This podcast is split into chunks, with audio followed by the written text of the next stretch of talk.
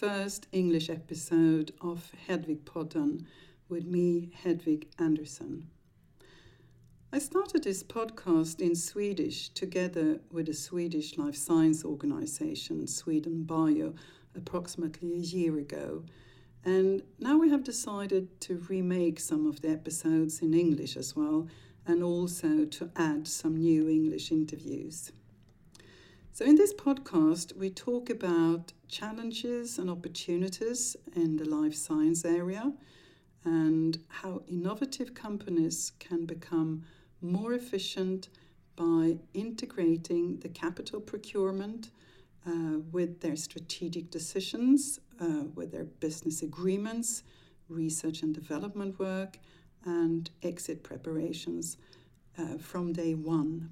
And through interviews with people that are active in different areas, um, such as, for instance, um, IP or clinical trials or venture capital, um, only to name a few, who all have in common um, that they work uh, with an integrated approach and with an holistic overview. I would like to show how everything is interconnected and how a decision within one area can lead to unforeseen consequences in a completely different area. But before I continue, I think I'll tell you a little bit about my own background. Um, I began my career by filing a patent um, on a discovery that I made as a student at uh, ETH uh, in Zurich. Um, this brought me to set up a technology transfer organization with some of my colleagues uh, at the Pierre Marie Curie Institute in Paris, uh, which in turn took me back to Switzerland, um, where I then founded and run my own company and actually made my first exit. Although at that time I didn't even know it was called an exit, I just thought I sold my company. Anyhow, um, from there on, I have continued as an investor, which has been my main focus for many years um, until I recently left uh, a large Swedish venture capital company called Industrifonden. So I have seen the, the, the both sides of the coin, and um, in addition, as an investor, I got the privilege to, to learn a lot from um, other people's successes and also from their mistakes. And this is actually what I would like to share with you in this podcast. Since almost all my working experience come from the life science area, this also means that most of my examples and the people I'll interview in this podcast will come from the life science industry and mainly be relevant for life science companies. Although I personally think that some of it can be of more generic character and therefore also applicable to other companies as well. Um, I believe that most of you could agree with me when I say that young innovative companies suffer from lack of resources. Both time, money, and personnel are scarce, which in turn lead to putting out fire and to work in a more reactive way um, instead of a proactive and strategic way. Of course, I can't deliver a ready made cure for this, but there are several things that one can do to improve the situation and even prevent getting there in the first place.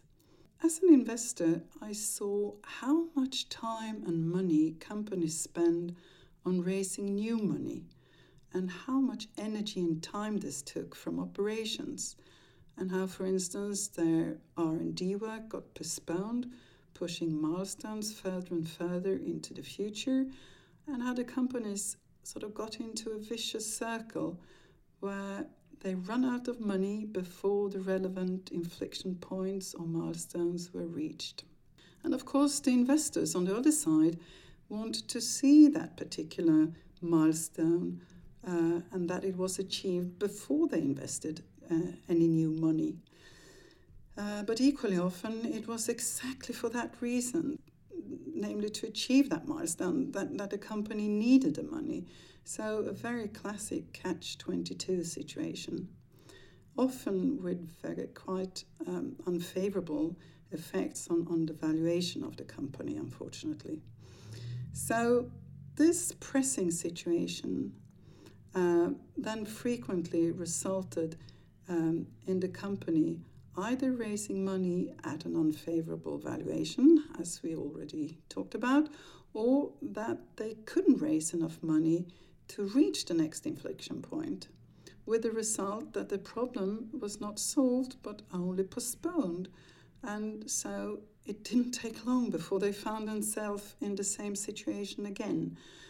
Um, and therefore, I believe that it is so crucial to have this holistic view when starting a company, knowing not only which the inflection points are that you have to reach before attracting new money, but also how much money and time it will take to get there, and including the delays and, and to have realistic margins on this. Because if it's anything we know, it is that you know it always takes longer and it always costs more money than we planned for in the beginning.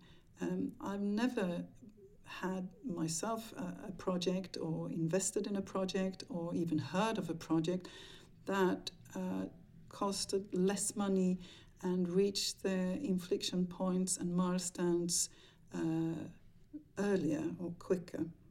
Um, and therefore, it's also very good to ensure that the project is really good enough to attract enough money in the first place. And I'll come back in the following episodes on what I mean with a project being good enough, because this is not only related to the technology or the academic standard, but um, to the entire context of the project.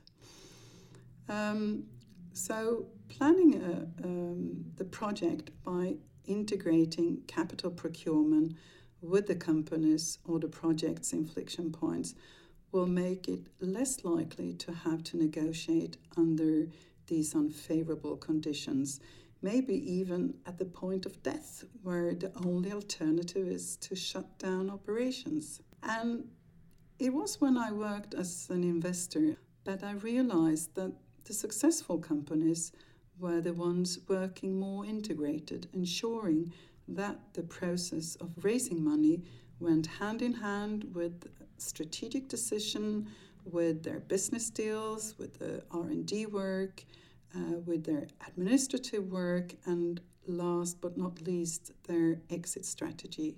And the next episode of Hedvig Podden will be dedicated exclusively to exit analysis and exit strategy, since I personally really believe that this is the key to success. So I'll be happy to tell you more about this in the next episode of Hedvig Podden. Bye for now.